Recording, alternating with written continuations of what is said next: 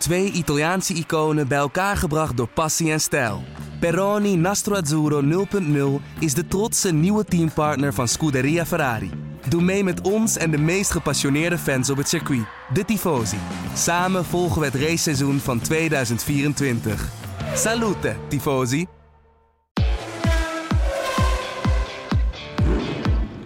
Dit is de Formule 1-podcast van De Telegraaf. Erik van Haren en Christian Albers praten hierbij over het belangrijkste Formule 1-nieuws.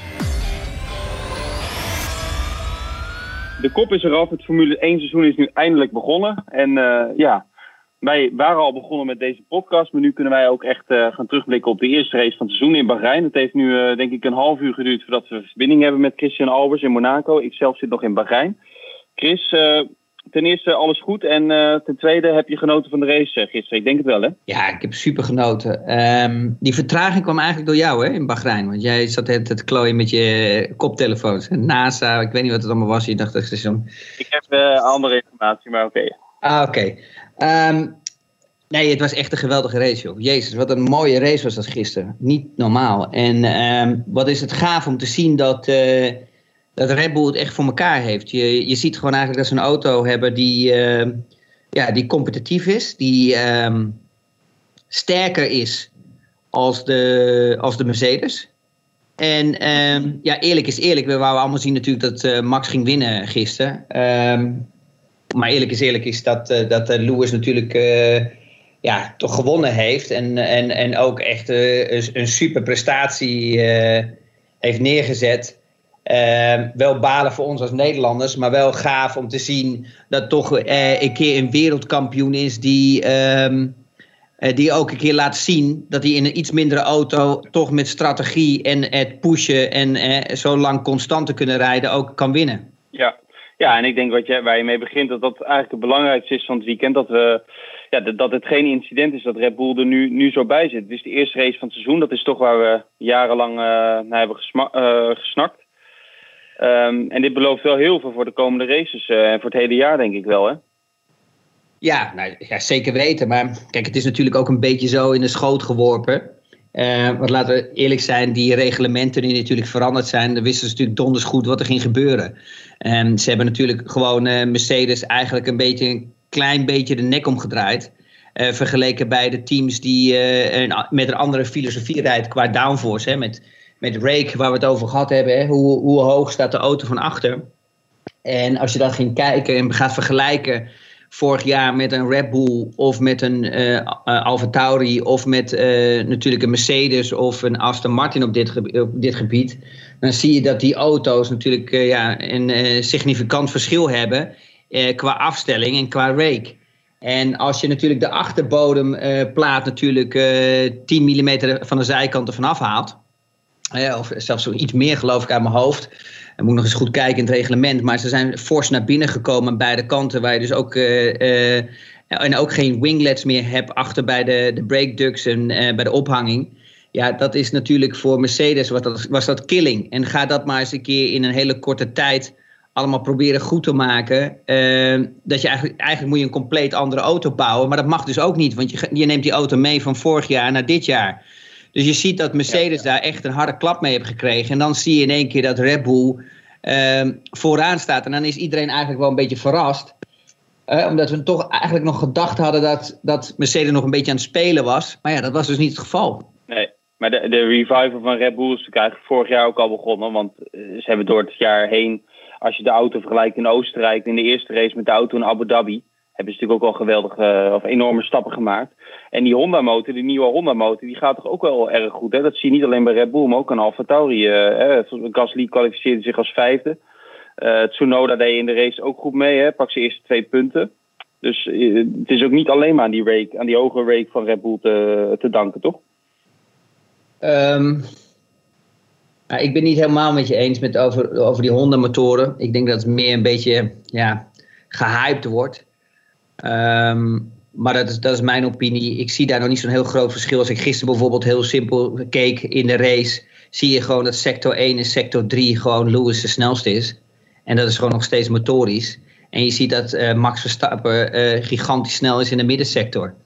En uh, dat, de middensector is natuurlijk geen lange rechte stukken. Dat zijn natuurlijk die high-speed bochten. daar heeft, ja. heeft ook te maken met mechanische grip. En waar Red Bull vorig jaar gewoon gigantisch sterk in was. En ik ben het ook niet met je eens dat Red Bull vorig jaar zulke stappen heeft gemaakt. Ze hebben wel de laatste race gewonnen. Maar ik heb ook het gevoel dat Mercedes die cadeau heeft gegeven. Omdat ze gewoon veel minder motorvermogen hadden gereden. Dat ze gewoon niet het seizoen wouden afsluiten. Dat een motor kapot zou gaan. Want dan is natuurlijk een hoop drama in de pers. En dat is slecht voor het merk Mercedes. Dus die hebben gewoon die motor teruggeschroefd. En, en, en daar heeft uh, Max natuurlijk zijn voordeel uit, uitgehaald. Um, en ik vond sowieso dat vorig jaar de Red Bull ook gewoon uh, sowieso de sterkste auto was qua mechanische grip en, uh, en low downforce. Je zag dat uh, Mercedes gewoon beter was in, in, in medium en high speed. En natuurlijk motorvermogen. Daar waren ze de sterkste in vorig jaar. En daardoor waren ze ook oppermachtig. Maar om een voorbeeld te geven waar, die, waar die mechanische grip zit. En waar die... Uh, en die low, low speed, als het ware, uh, low, speed, low, low downforce um, aerodynamica zit, dan kon je bijvoorbeeld als voorbeeld geven Mexico, hè, waar eigenlijk Max op pol had moeten staan. En waar je zag dus eigenlijk dat hij dit laatste gedeelte, Erik, weet je wel, in die, in die, in die catacombe en zo, allemaal zo gigantisch snel was. vergeleken bij Mercedes. Ja, en, ja, en dat is altijd hun voordeel geweest. Dus hun mechanische grip, dat wilde zeggen echt gewoon, weet je wel, hairpins, het aanremmen daar, daar zijn ze gewoon super sterk in. Ja, maar je ziet toch over één ronde die kwalificatie. Uh, rijdt Max 14e voor Lewis, is, is de snelste ronde. Is hij in alle sectoren het snelste. Um, en nou, tijdens de race had hij, uh, zeker aan het begin, klaagde hij heel veel over problemen met zijn uh, differentieel. En dat hij daardoor ook veel uh, tijd, of in ieder geval wat tijd verloor uh, op sommige delen van het circuit. Kun jij eens verklaren waar dat vandaan komt? Denk je dat dat veel tijd kost inderdaad? Nou, als eerste terug te komen op die qualifying ronde, daar was natuurlijk niks mis mee. Dat was natuurlijk een gigantische snelle ronde. Waar die alle sectors natuurlijk paard aan. Maar hij, hij, had gewoon de snelste auto. En, en, en het is gewoon de snelste coureur, denk ik, in het veld op dit moment. Um, en dan zie je dat alles op het limiet is. Hè? Dan heb je low fuel, nieuwe banden en je hebt toch dat motorvermogen. En iedereen zegt wel, ja, nee, je mag allemaal niet zoveel motorvermogens hebben. Dat is nonsens, want ze mogen nog best wel veel mappings hebben. Alleen die moeten ze het hele jaar gebruiken, maar die kunnen ze gewoon aanpassen. Dat kan de VIA niet eens controleren, precies de, de, de, de, en al dat ding wat allemaal ingesteld wordt. Dus ze hebben nog zeker wel die mappings. Uh, dus ik begrijp eigenlijk niet wat nou dat reglement gedaan heeft. Want ik zit dat continu op te zoeken en niemand kan me dat echt vertellen. Dus ik denk dat ik morgen eerst maar nog een keer ga bellen naar mijn oude contact in de Formule 1. Om nou eens echt te vragen hoe dat in elkaar zit. Want uh, uh, ik zie ze nog steeds toch draaien. En ik zie ze nog steeds toch andere motormanagements gebruiken. Ehm, maar ja, Max had gewoon een fantastische ronde. En ja, in de race klaagde hij natuurlijk met differentieel. Dat is natuurlijk altijd moeilijk te, ja, te zeggen natuurlijk van afstand. Maar wat Max voelde, uh, differentieel, wat, doet een differentieel? Dat is eigenlijk gewoon, het zit achter in de bak. En die kan je, uh, en die kan je in sterkte instellen. Dus die kan je heel, uh, heel strak zetten ja, en heel los zetten. En wat gebeurt er als je hem heel los zet? Dan kunnen die wielen heel makkelijk tegen elkaar indraaien. En als je die zeg maar als het ware meer zet, weet je wel, dus harder zet dan drukt de auto als het ware. Dus je kan eigenlijk een auto uh, fine-tunen met als je bijvoorbeeld in een hairpin, om een voorbeeld te geven, uh, uh, overstuur hebt. Dan kan je met de settings in het dashboard kan je zorgen dat die onderstuur gaat krijgen. Hè? Dat de auto meer gaat duwen als het ware. Dus dat is, ja, dat is best wel gaaf om te kunnen doen in een auto als, als coureur zijnde. En dat kan je ja. instellen bijvoorbeeld low speed, medium speed, uh, daar kan je een beetje die, die, die afstellingen een beetje, ja, zeg maar echt, ja, echt perfect krijgen. Dat zijn de laatste finishing touch bijvoorbeeld voor een ronde. En die worden normaal ook bij de data engineers, worden die, al die mappings erin gezet in je auto. En die kan je dan zelf ook nog eens door de race, hè, want een, je, ze weten natuurlijk nooit hoe de, hoe de race zich gaat vervorderen. Weet je, of, je, of je meer zand op het circuit krijgt, of je wind krijgt van de andere kant, hoe je bandenslijtage is. Dus je kan dat door de race fine-tunen. En eh, wat Max zei, is dat hij daar last van had dat hij veel wielspin heeft. Dus dat wil zeggen dat het misschien toch wel een probleem was met de diff. Dat hij een klein beetje spin had daarin. Ja, en dat het hem uh, misschien pijn heeft gedaan. Maar ja, echt weten hoeveel, dat weet je natuurlijk nooit. Dat weet je pas als je, als je weer een nieuwe uh, versnellingsbak eraan hangt of een nieuwe diff. En je gaat de volgende dag dezelfde dag weer testen. Ja, duidelijk. Uh, Chris, echt niet normaal. Uh, het is echt goed om te zien hoe het leeft in Nederland uh, en wereldwijd. Dat, dat heeft denk ik ook te maken met, met het verloop van het weekend. En de, ja, de alle voortekenen voor een spannend seizoen die, die zijn er eigenlijk. Ehm, laat ik even bij het belangrijkste punt voor veel mensen beginnen. Misschien het punt waar dat, het moment in de wedstrijd waar het meeste over werd gespro gesproken in ronde 53. Dus in de absolute slotfase. de actie van Verstappen buitenom bij Hamilton ging er voorbij. Uh, maar buiten de baan. En hem werd hem opgedragen om, uh, om de leidende positie weer terug te geven. Dat deed hij ook in, uh, in bocht 10 uit mijn hoofd. Hoe keek jij naar die actie en naar dat moment? Ja, hij ging, uh, er duidelijk buitenom voorbij. Wat wel vervelend is, maar daar hebben we het eigenlijk uh, uh, het vorige seizoen ook al een paar keer over gehad, is dat die VIA gewoon niet constant is. Hè? Um, we hebben het er met z'n tweeën ook nog over gehad. Je ziet Hamilton gewoon meerdere malen daar ook buitenom gaan, of in ieder geval buiten de lijn elke keer uitaccelereren. Nou zag ik dat, nou werd eigenlijk alleen maar in beeld gebracht. Ik kijk altijd Sky. Um, als hij een pitstop heeft gehad uh, en dan zie je dat hij wat wijder komt, omdat, omdat hij natuurlijk niet de banden te agressief wil scrubben om die bocht te halen. Nee. Pardon. Maar dan, maar dan zie je in één keer eigenlijk toch in zo'n race dat hij het echt 29 keer overheen is gegaan. En, en dan zeg je op een gegeven moment, ja, waar, is, waar, ja, weet je, waar wordt een lijn getrokken? En dat is dus heel erg moeilijk. Kijk, en dan krijg je situaties zoals dit. Kijk, alle eerlijkheid, ja, ik vond het een mooie actie en het breekt bovenin in het in het hoofd bij uh, Lewis ook nog wel, weet je, dat maakt ook wel een, een klein knakkie.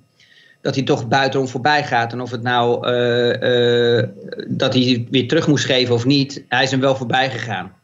Dat blijft toch altijd bovenin zitten bij Lewis. Dus dat is wel mooi. En dan had ik gezegd, dan had, als ik Max was geweest, had ik hem weer voorbij gelaten iets later. Maar dan kan je ook al eigenlijk in principe straffen verwachten, die, omdat het te lang duurt. Dus het is een best wel een moeilijke situatie. Want je, je, weet je, je zit zoveel adrenaline in die auto. En je krijgt dat door aan het team. En je wilt ook geen drive-through penalty hebben of wat dan ook. En je weet ook niet wat voor straf je gaat krijgen. En, toen, en toen liet hij hem eigenlijk voorbij op het rechte stukje, gelijk na die uh, hairpin. En je zag ook eigenlijk dat ze best wel vrijwel identiek. Hè? Max bleef er redelijk het gas erop houden. En hoopte eigenlijk dat, hè, dat hij gelijk kon aansluiten. Um, maar helaas, uh, dat werkte niet. Maar ja, naar mijn inzicht was, was Max daar wel fout. Omdat hij gewoon te wijd buiten het circuit er voorbij ging. Ja, ja en, dat is, en dat is net dat, iets too much. Dat zei hij zelf overigens ook. Dat is vrijdag in de drivers uh, meeting. Hè. Die is elke vrijdagavond na de tweede training ook duidelijk besproken dat dat niet mag. Hè. Je mag niet buiten de baan iemand inhalen om een positie te winnen. Dus daar deed hij ook niet moeilijk over. Maar inderdaad, wat je zegt, het inconsequente. Daar begon Christian Horner ook nog over. En ik heb het nog aan Michael Masi, de wedstrijdleider, gevraagd. Uh, dus vrijdag uh, waren er geen track limits, zoals het heet. Nou, tijdens de kwalificatie wel. Hè. Dus als je daar, dat zag ook een paar keer bij onder meer Ricciardo, geloof ik, en bij Perez. Als je daar te wijd ging, dan werd je tijd geschrapt, zoals we dat vaak hebben gezien. Op zondag bij de race waren er ook geen track limits. Alleen, het was niet de bedoeling dat je er misbruik van zou maken. Toen Mercedes dat, of onder meer Mercedes, uh, maar bleef en bleef doen, inderdaad, in dat filmpje is goed te zien, 29 keer met Hamilton. Toen hebben ze, hebben ze gezegd, je, moet, je mag het niet meer doen, want uh, anders krijg je toch die, uh, die waarschuwingsvlag. En toen zijn ze ermee gestopt. Alleen, ik, ik snap dan niet wat het verschil is tussen we gaan het niet monitoren, maar als je het dus wel de hele tijd doet, dan maak je er toch misbruik van en mag je het toch niet meer doen. Dat is een beetje, je moet toch ergens inderdaad een lijn trekken, gelijk van tevoren, dat het duidelijk is. Los van het feit dat die actie van Verstappen, dat het logisch was dat hij daar de positie terug moest geven. Ja, maar we zijn bezig met Formule 1. En Formule 1 wordt tot het uiterste gedreven. Iedereen wil winnen op de zondag en iedereen wil scoren. En er staan heel veel jobs op het spel en de druk is er altijd volop. Ja, sorry, met alle excuus. Je wacht natuurlijk als Formule 1-team wacht je op die waarschuwing. En als die waarschuwing niet komt, je krijgt niet in één keer straf. Als die waarschuwing niet komt, dan blijf je het doen. Zo simpel is het. Dus ja, op dat opzicht... Ja, ja, het is gewoon slim gedaan door Mercedes. En, en om terug te komen, hoe goed, hoe, hoeveel Max Verstappen vorig jaar probeerde, omdat hij niks te verliezen had, was nou in één keer die rol bij Lewis Hamilton. En je zag daar dat in één keer dat die strategie dus ook in één keer uh, uh, kan werken. En, en, en het, het, het, positieve ervan was dat, dat, dat Lewis net iets dichterbij was als dat Max Verstappen vorig jaar was qua auto. Waardoor het het verschil ja. gemaakt kon worden. Ja, en Max zei ook bij dat moment, ik, want hij, hij zei als ik erachter kwam kon ik hem toch moeilijk volgen met deze auto's. En ik meen dat Hamilton bij dat moment in voorbocht 4 even last had van Giovinazzi voor hem. Uh, en achterblijven. En dat Max toen dacht van nu, dit is het moment om het te proberen. En daar, maar hij moest helemaal, Lewis remde laten, dus hij moest er helemaal omheen. En dus dit was eigenlijk de, enige optie om het zo te doen. Want je wilt natuurlijk ook niet tegen elkaar aanrammen. Of denk je dat hij het later had moeten doen? Ja, dat geouwe altijd van iedereen met die bullshit verhalen altijd van ja, uh, hij had beter even een paar ronden kunnen wachten. Dat is echt zoveel fucking nonsens. Heb ik nog nooit in mijn leven gehoord. Of dat je met een Formule 1 auto, of dat de andere toelaat van joh, weet je wat, ik geef je wel ergens anders nog wel een keer de mogelijkheid om voorbij te gaan. Probeer het zo nog even een keer. Ja. Ik bedoel, het is echt te idioterie. Ik bedoel, als je in zo'n Formule 1 auto rijdt, het is al zo moeilijk om erbij te komen. Laat staan dat je erachter kan rijden als je één mogelijkheid hebt, moet je die pakken. Want je weet namelijk niet meer of je die ooit nog gaat krijgen.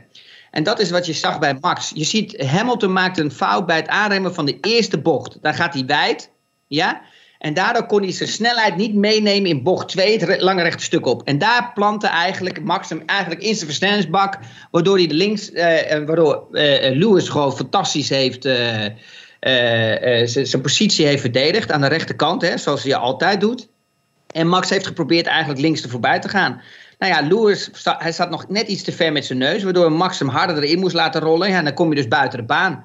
Nou, de, dat, weet je, we zullen nooit weten of hij ergens een andere mogelijkheid heeft gehad. Maar wat ik wel vind, is dat eh, Red Bull, na de inzien, hebben ze gewoon wel fouten gemaakt met hun strategie. Omdat ze Max te lang door hebben laten rijden, dat hij te veel afstand uh, verloren uh, had. Dus te veel secondes verliestijd. Waardoor hij langer nodig had om er naartoe te gaan. Dat was al bij de eerste pitstop, vond ik al dat ze veel te lang doorreden. Bij de tweede was het al ietsje beter. Maar de eerste, daar heeft hij het eigenlijk op verloren. Niet op de tweede. Ja. Ja, even nog wat je net zei, daar ben ik het helemaal mee eens. Uh, want dan zou je bij elke mislukte inhaalactie moeten zeggen dat iemand langer had moeten wachten. Of hij moet die inhaalactie in de laatste ronde hebben ingezet. Dus dat is allemaal heel makkelijk van de buitenwacht. Over die strategie, goed dat je daarover begint. Want eigenlijk Verstappen bleef netjes, maar hij zei ook wel van... Uh, ik snapte niet helemaal, uh, ik zeg het even in eigen woorden, uh, we moeten toch naar onze strategie kijken. Kreeg ik ook veel vragen over van mensen. Um, ten eerste, Red Bull had natuurlijk nog maar één setje van die harde band beschikbaar. Dus Verstappen begon op mediums, net zoals Mercedes. Ging daarna weer op geel en toen op die witte band. En Mercedes ging twee keer op die witte band. ja, die, hadden, die hadden nog twee verse setjes over. Is dat ook een fout geweest van Red Bull? Dat ze het weekend wat dat betreft verkeerd hebben opgebouwd? Nou ja, ik was uh, uh, geel gegaan, uh, wit en dan weer geel. Omdat de gele toch een compound is die zachter is. Dus ik was, ik was eigenlijk verbaasd dat ze.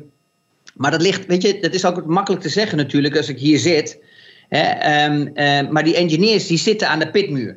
En die zien waar al die andere auto's rijden, waar het verkeer is. Hè. komt hij in het verkeer of komt hij niet in het verkeer? En als hij in het verkeer komt, dan wil je dan heb je sommige teams die zeggen, dan wil je de beste band hebben, want je wilt zo snel mogelijk door het verkeer heen gaan.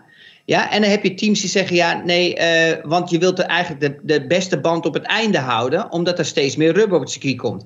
Dus ja, mijn opinie was, ik had de laatste set gele banden, had ik bewaard voor Max, omdat je natuurlijk steeds meer rubber op het circuit krijgt. Dus je gaat steeds harder op het circuit. En dan had hij eigenlijk een, een, een zachte compound gehad. Hè, dus die ook de snellere rondetijd zou kunnen doen.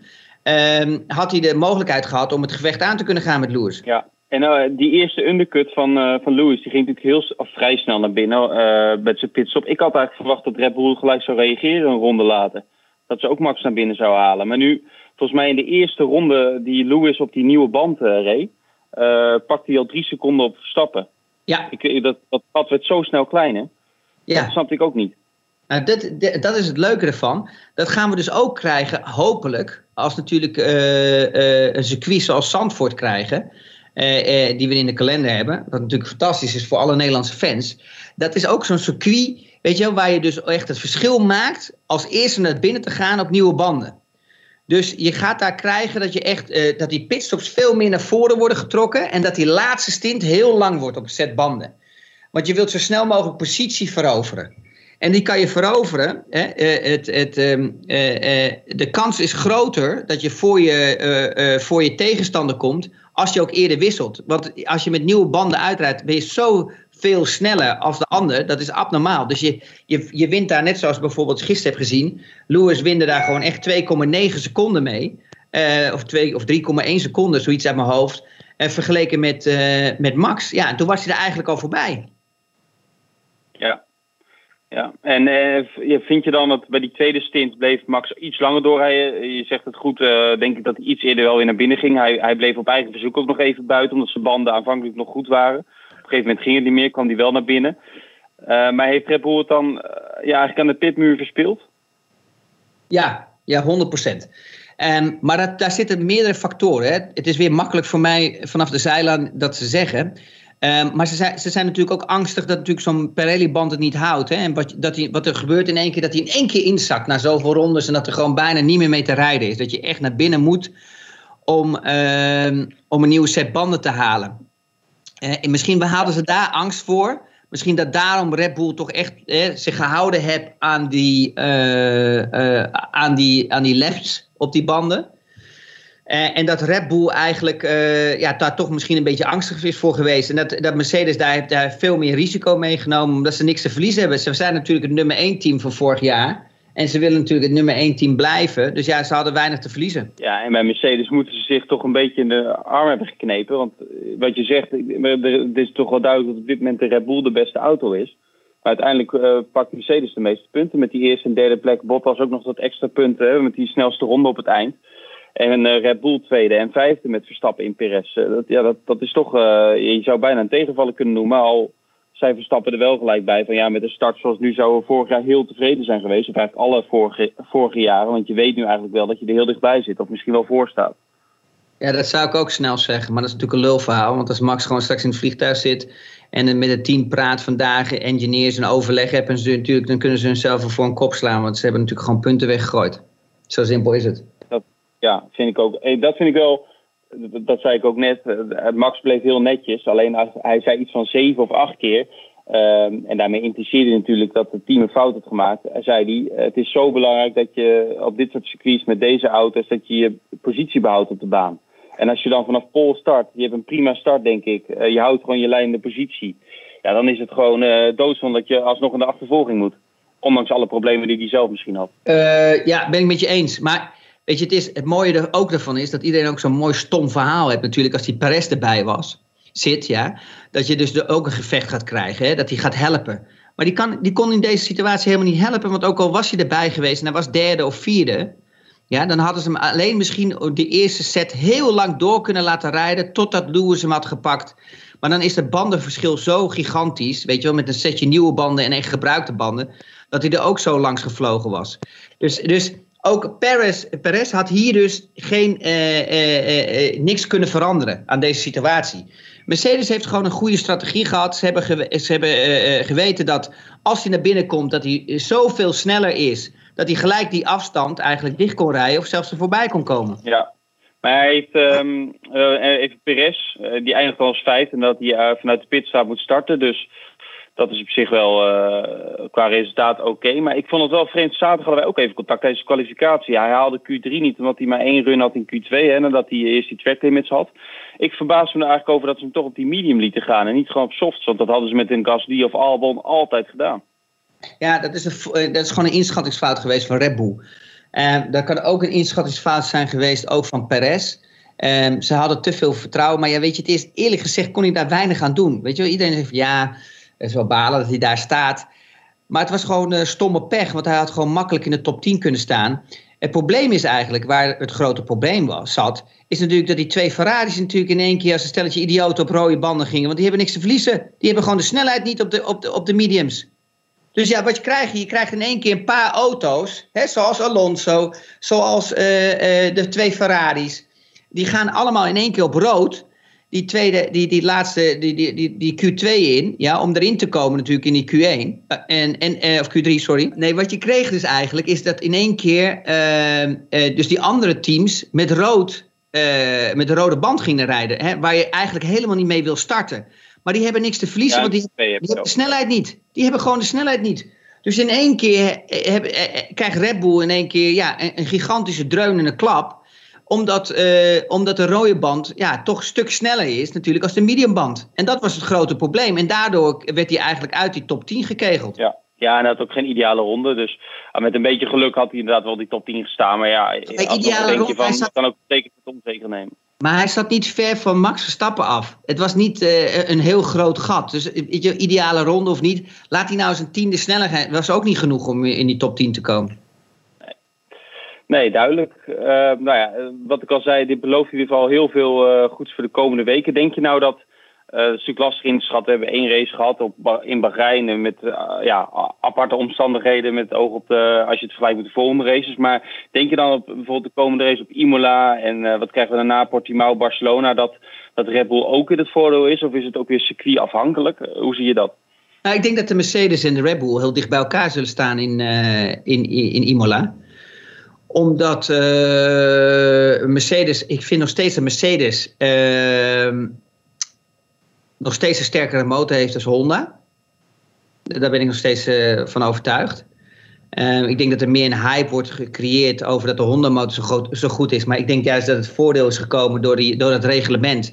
Dat de Red Bull gewoon echt een stuk beter was. En de Red Bull was al uh, superieur in, het mechanisch, in de mechanische grip. Hè? Dus, dus het low speed en zo, hè? de acceleratie, de tractie uit de bochten. Nou, daar is in het reglement niks veranderd. Dus die auto van vorig jaar ging door nu naar dit jaar. Dus dat is nog steeds een pluspunt voor hun. Um, en je ziet bij Mercedes is gewoon echt, uh, dat is de, eigenlijk zeg maar de decoupeerzaag gewoon door de achterkant heen gehaald. Om heel grof te zeggen. Ja, dat is natuurlijk verschrikkelijk om, te, om te zeggen. Maar het is wel zo. Er is gewoon natuurlijk een onhandige klusser gekomen. En die onhandige klusser, die klusser, die komt tussen de decoupeerzaag. Die is gewoon het, bij die bodemplaat aan de achterkant bezig geweest. Ja, ga dan maar eens proberen je auto nog eens een keer uh, ja, superieur te maken. Nou, dat is natuurlijk moeilijk. Um, Help mijn man eens klussen is een programma. Maar, maar uh, had, had Mercedes dan niet ook gewoon dat high-ray concept uh, moeten overnemen? Of is dat uh, in een paar maanden tijd niet te doen? Omdat je je hele concept van je auto omver gooit. Dat is, echt niet, dat is echt niet te doen, Erik. Dat, je moet zeg maar zo zien dat je natuurlijk een auto hebt die vlak staat. En die wordt getest in een windtunnel. Dus je, alle aerodynamica, die pas je aan aan dat een auto zeg maar veel vlakker staat. Dus, dus, dus echt maar gewoon bijna recht.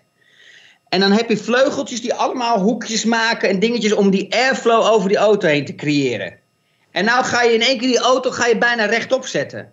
Of zeg maar schuin zetten.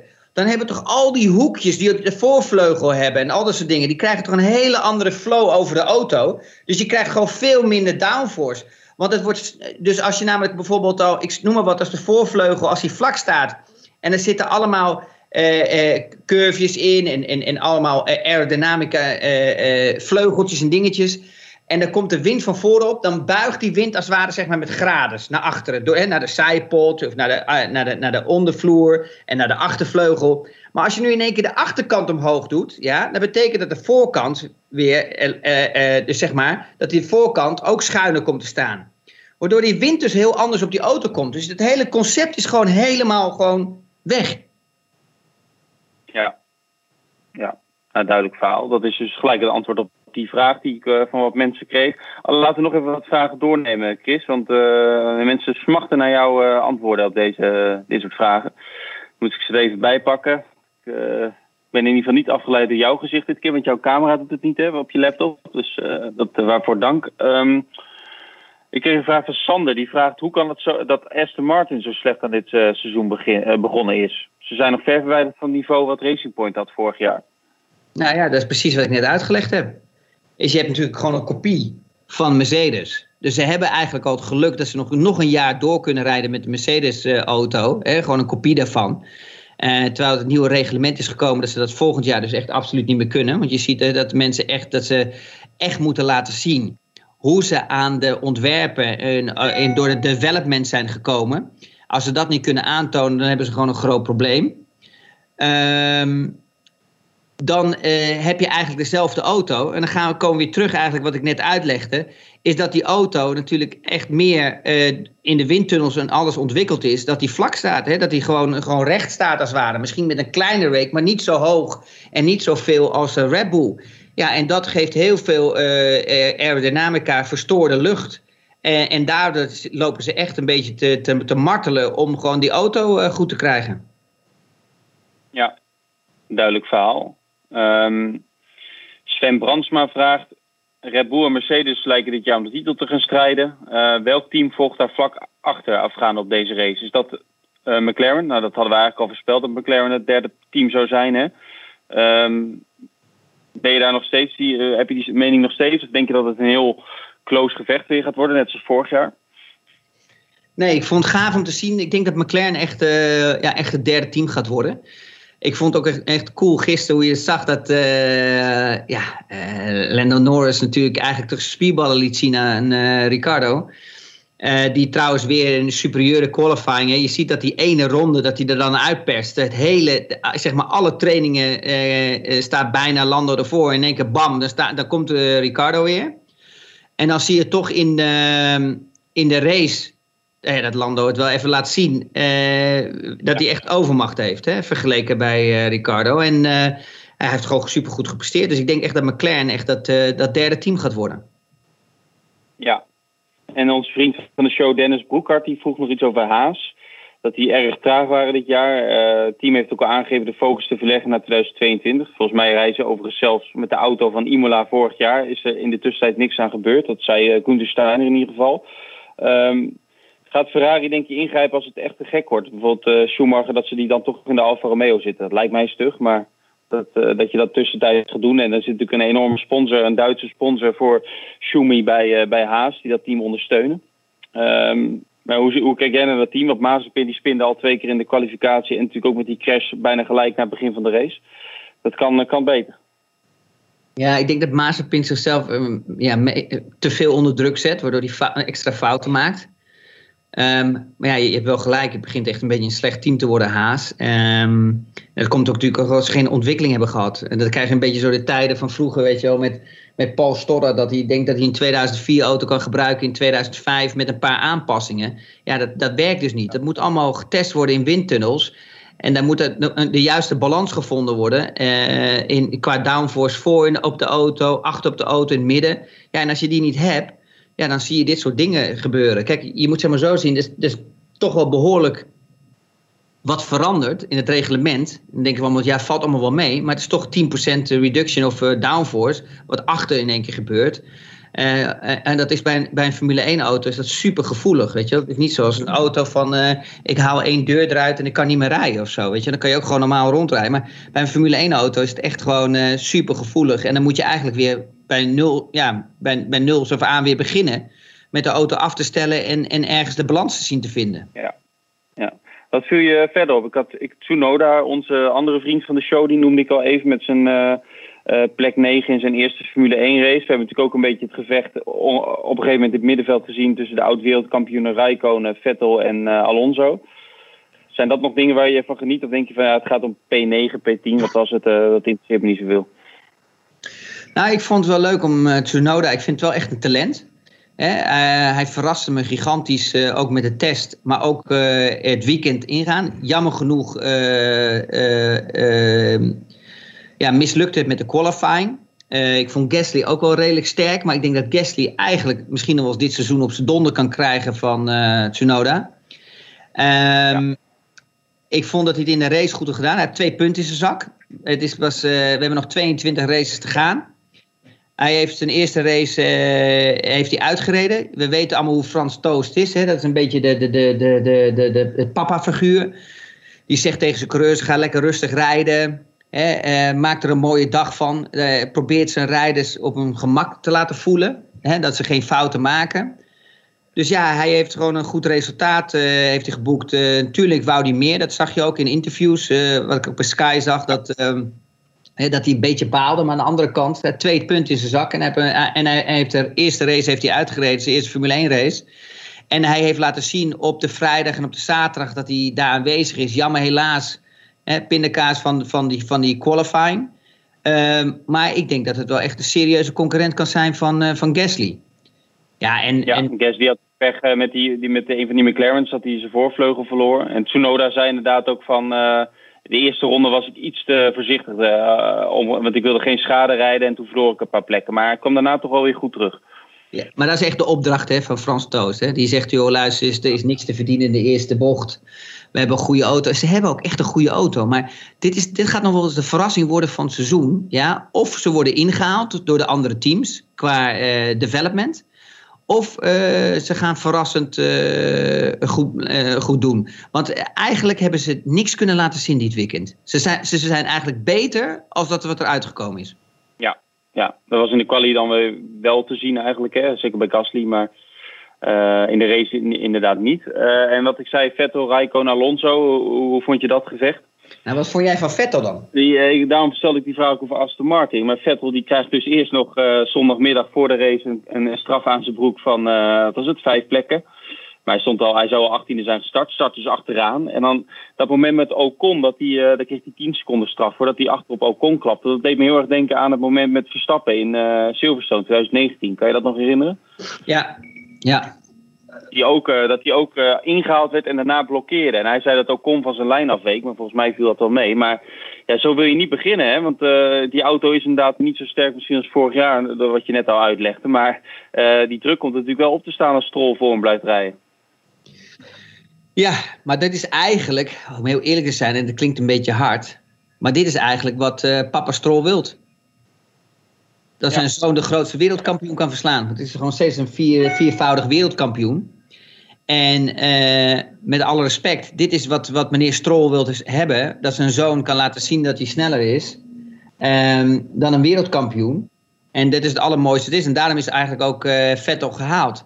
Maar ja, als je ziet bijvoorbeeld uh, het aanremmen bij de HEP, en net wat jij zegt na Ocon. Ja, jezus man. Ik denk bij mezelf, joh, luister, um, Sebastian, je moet je schamen. Kijk, het is ook de heat of the moment. Hè? Dus je gaat natuurlijk al snel iets zeggen dat iemand anders fout is. Want je wilt natuurlijk zelf uh, natuurlijk altijd goed uitkomen. en de adrenaline zit natuurlijk op zijn top. Maar ja, weet je, is dit, dit, hij heeft zoveel van deze inschattingfouten gemaakt. Um, en net wat je zei bij Verstappen, maar kan je nog herinneren ook met de safety car procedure ergens in Baku, waar die ook achterin Baku, ja, dat die ja. Hamilton inreed. Ja, bedoel, nou, dat is meer bewustzijn. Ja, maar ja, dat zegt hij nu. Maar ik Nou, moet heel eerlijk zeggen, als ik, dit, als ik dit soort acties zie, Ocon deed helemaal niks verkeerd. Die bleef op zijn lijn. Die stuurde op een gegeven moment in. Want hij, ja, de bocht is er. Dus hij moet wel een keertje in gaan sturen. Ik bedoel, wat wil hij anders doen? Hij kan moeilijk rechtdoor blijven rijden. En, uh, maar je ziet ook gewoon het moment dat uh, Vettel achterin rijdt, zie je Ocon gewoon ook echt niet sturen. Dus hij is gewoon te vroeg erachterin gegaan. Wat gebeurt er dan? Dan verlies je al je downforce en dan blokkeer je een wiel en dan, en dan schiet je gewoon bij iemand achterin. Ja, dat is het allergevaarlijkste. Dat is het eerste wat je leert in Formule 1. Dat weet je van tevoren. En, ja, um, duidelijk. Ja, en Alonso, ja, voor mij heeft hij het gewoon geweldig gedaan. Uh, jammer dat hij uitgevallen is, maar ik ben altijd wel Alonso-fan. Maar als je nou kijkt, hè, wat hij nou weer presteert, laten we nou eens eerlijk zijn. Hij knalt dat ding in de top 10. Hij vecht mee die eerste paar rondes als echt, als echt een leeuw gewoon. Hij laat niet los. Hij weet het maximale uit die auto te halen. Hij overdrijft de auto niet, maar hij zit precies tegen de limiet aan. Ja, sorry jongens, maar als je, als je vandaag een Alonso ook in een topauto hebt, dan heb je gewoon een wereldkampioen. Het is gewoon echt jammer dat hij in een auto zit zoals nu bij Alpine, dat ze toch nog eh, te veel afstand hebben. Maar als deze vandaag naast Max Verstappen zou komen te zitten, of Lewis Hamilton, dan hebben ze echt toch een serieus probleem, moet ik eerlijk zeggen. En dan wil ik niet zeggen dat hij sneller is, gelijk direct, hè, als Max, want ik denk dat ze. Maar ik denk wel dat ze echt, dat ze echt wakker geschud worden. Dat is één ding wat zeker is. Want je ziet gewoon, als je dan gaat terugkijken naar de historie, Erik. Ja, dat is geweldig. Als je gaat kijken naar die Ferrari-tijd, dat Alonso daar reed. Met een mindere auto. Heb je wel eens gezien? Won die gewoon races. Ja. Ja, weet je, dit is, voor mij is dit gewoon eh, nog steeds een coureur, een van de beste coureurs die eigenlijk te weinig kampioenschappen hebben gewonnen. Ja, en niet de ideale tweede coureur in ieder geval. Het is geen Bottas wat dat betreft. Je haalt wel een winnaar in huis. Ja, dat kan je dan wel zien toen de tijd met Lewis Hamilton en met McLaren. Hoe dat, Ja. hoe, wat Ja. een strijd dat is geweest. zeg. Wat een oorlog daar in het team was. En wat, er wat er gebeurde met pitstops en met qualifying. Ik kan het nog herinneren in Hongarije, dat hij gewoon bleef staan. Ja, bleef staan. Ja, daar werd hij wel gestraft, eh, voor gestraft, maar ja, dat, eh Ja, maar als je- niet. Maar dat is nou echt een wereldkampioen. En dat is nou echt een vechter, een leeuw die eenmaal als die, als die bijt, dat hij niet meer loslaat. Je, hij laat zijn prooi niet meer los. Want als je, als je zo kan nadenken en als je zo alert bent en zo scherp, weet je wel, dat je dat kan doen, ja, dan ben je gewoon, dan ben je niet, niet alleen een natuurtalent, maar dan ben je ook nog echt een goede denker. En dat is, en dat is de kwaliteit van Michael Schumacher, Lewis Hamilton. En je ziet nu dat Max daar ook echt nu in het, in het, in het, ja, in het groepje ja, behoort. En je ziet ook dat Max ook echt die ontwikkeling, dat, dit, dat er nu eh, plaatsvindt. En het grappige is, ik zie dat vanaf de, vanaf de zijlijn, omdat ik natuurlijk zelf gereden heb. Dus ik zie nu gewoon hoe Max gewoon echt volwassen wordt. Hoe constanter die nog meer wordt. Hoe meer die echt een finishing touch krijgt. Hoe meer die echt ook bij de afstelling bij een auto komt. Ja, dat is gewoon, dat is echt gewoon mooi om te zien als je dat ziet, weet je wel. En, maar ook gewoon naar jullie toe, naar de pers. Ik bedoel, ja, hij heeft nog steeds dat rebelse. Hij is nog steeds zichzelf. Maar toch past hij iets meer op wat hij zegt. Hij, hij begint nu ook wat ouder te worden. Hij ziet toch dat hij heel veel grote merken achter zich heeft staan. En hij denkt van ja, weet je laat ik nou niet elke keer alleen maar weet je, problemen opzoeken. Laten we proberen een beetje te vermijden. Nee, wat ik, inderdaad het, voordeel, of het voorbeeld sorry, wat ik zei uh, over, over dat team, hè, dat hij eigenlijk een beetje tussen de regels door iets zegt zonder het keihard uit, uh, uit te delen. En wat ook wel leuk was, zaterdag na de kwalificatie, uh, Max stond natuurlijk in de top drie, hè, pakt de pol. Dan gaan ze eerst naar de persconferentie voor de geschreven pers.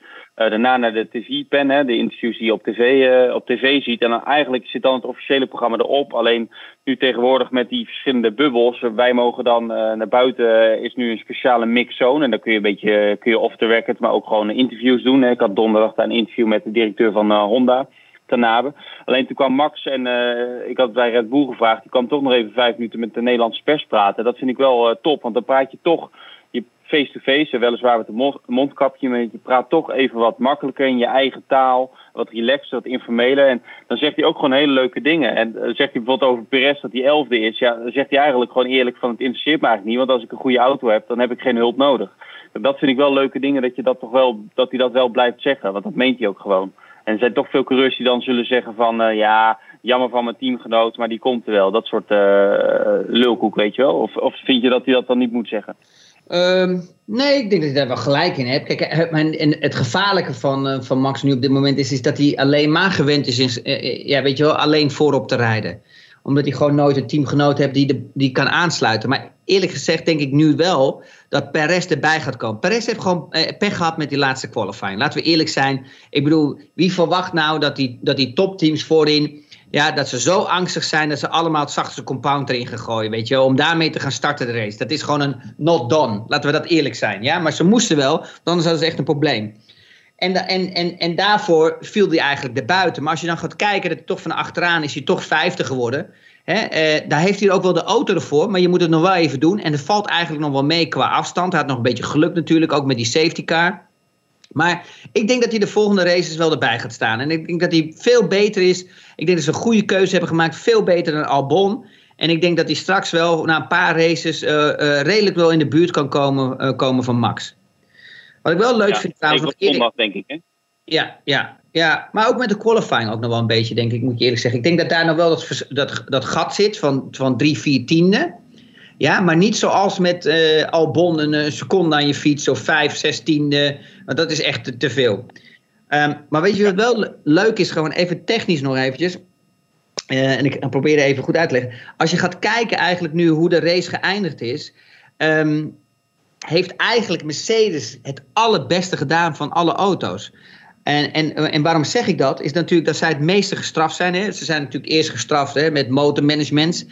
Iedereen loopt wel te klagen over Lewis Hamilton. Hè, dat hij nu een beetje slachtoffer gaat uh, uithangen. Maar hij heeft wel gelijk. Hè? Mercedes is aangepakt uh, qua uh, motormanagement. Weet je, qualifying modes, dat soort dingen allemaal.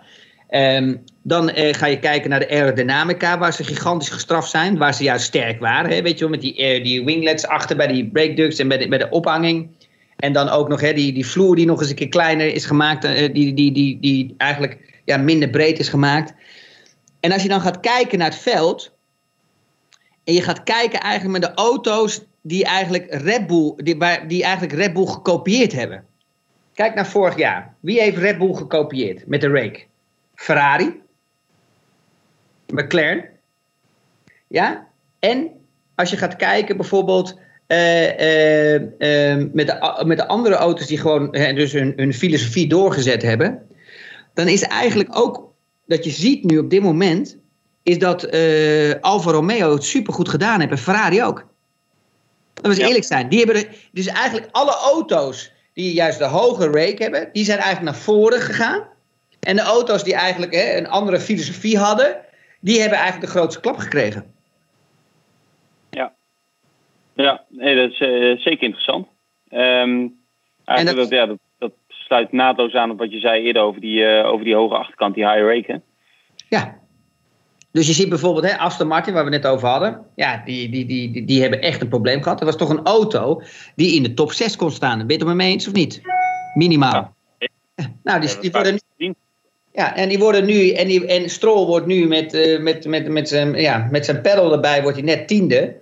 Ja, en Vettel heeft natuurlijk dan heel veel pech gehad in de race ook. Maar ik hoop echt dat Vettel het weer oppakt. Want anders is het echt, dan, gaat het echt wel pijn doen. Dan had, had ik zo het gevoel gehad, als ik het was geweest, dan was ik echt gewoon gestopt. Ja, ja. Ik, ik, ik begon even over Perez net. Want ik kreeg nog een vraag over, um, moet ik hem even erbij zoeken over uh, teamgenoten. Want je, je hebt natuurlijk, de, de, Formule 1 draait ook om heel veel data verzamelen. Dat zie je bij de test, maar ook gedurende een raceweekend. Kijk je dan als coureur ook veel naar de data van je teamgenoten of überhaupt naar andere coureurs of kijk je alleen naar jezelf? Nee, je kijkt alleen maar natuurlijk naar uh, je teamgenoot. Uh, en, en als je niet wilt kijken naar je teamgenoot, dan wordt het wel door het team wordt het natuurlijk gewoon erin geknald omdat, je, omdat ze willen laten zien natuurlijk waar, waar, waar is het meeste tijd altijd te halen. Dat is natuurlijk eh, ook bij de coureur. Eh, weet je, waar, waar rem je aan? Uh, wat voor snelheid neem je mee in de bochten? Hè? Wanneer gaat iemand op het gas? Dus ja, weet je, uh, uh, Lewis krijgt het van Bottas en Bottas krijgt het van Lewis. En zo gaat het door. En Max krijgt dat ook nog wel van Perez. Want er zijn altijd momenten wel, waar, weet je, waar een andere coureur toch iets anders doet. En dat je merkt dat dat toch de snellere optie is. En zo kan je de optimale performance uit jezelf halen en uit de auto. Ja, dus jij kijkt ook altijd naar de, naar de data van je teamgenoten, zeg maar, ook in de Formule 1. Uh, ja, nou ja, weet je, het is, ook al wil je het niet, je krijgt het gewoon natuurlijk. Zo simpel is het. Oké, okay, nou, uh, dan zijn we er doorheen, denk ik. Of heb je nog een laatste woord uh, wat je toe wil voegen? Dat is nee. nu aan jou. Nee, dat was het. Dat was het voor mij. ik vond het een hele leuke race en ik hoop dat we er ook zo heel veel gaan krijgen, nog moet ik eerlijk zeggen. Ja, ja nee, helemaal met je eens over een kleine drie weken, een beetje afhankelijk van wanneer u de podcast luistert, uh, misschien over 2,5 weken of twee weken.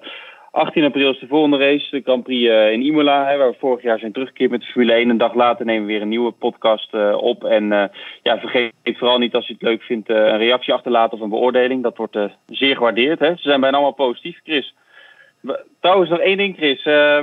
Er was nog één ding, uh, die kreeg ik op Twitter door en ik zag ook een reactie op de podcast-app. Alleen volgens mij hebben mensen het een beetje verkeerd begrepen. Jij zei bij de tests, of na de test, ging het eh, over het feit dat Mercedes geen filmdag had gedaan in Bahrein. En toen zei hij dat ze in, in zo'n filmdag, mag je maximaal 100 kilometer rijden, dat ze wel wat uh, dingen qua snelheid kunnen nabootsen, qua kwalificatierun. En toen kreeg ik natuurlijk allemaal mensen die zeiden, ja, maar je mag niet op die, je, je moet dan op demobanden rijden. Maar volgens mij wilde je daar nog wel iets over zeggen. Ja, dat maakt namelijk niet uit wat voor banden je rijdt. Kijk, een, een, een filmdag, die kan je niet gebruiken voor long run. Want je mag maar zoveel kilometers rijden.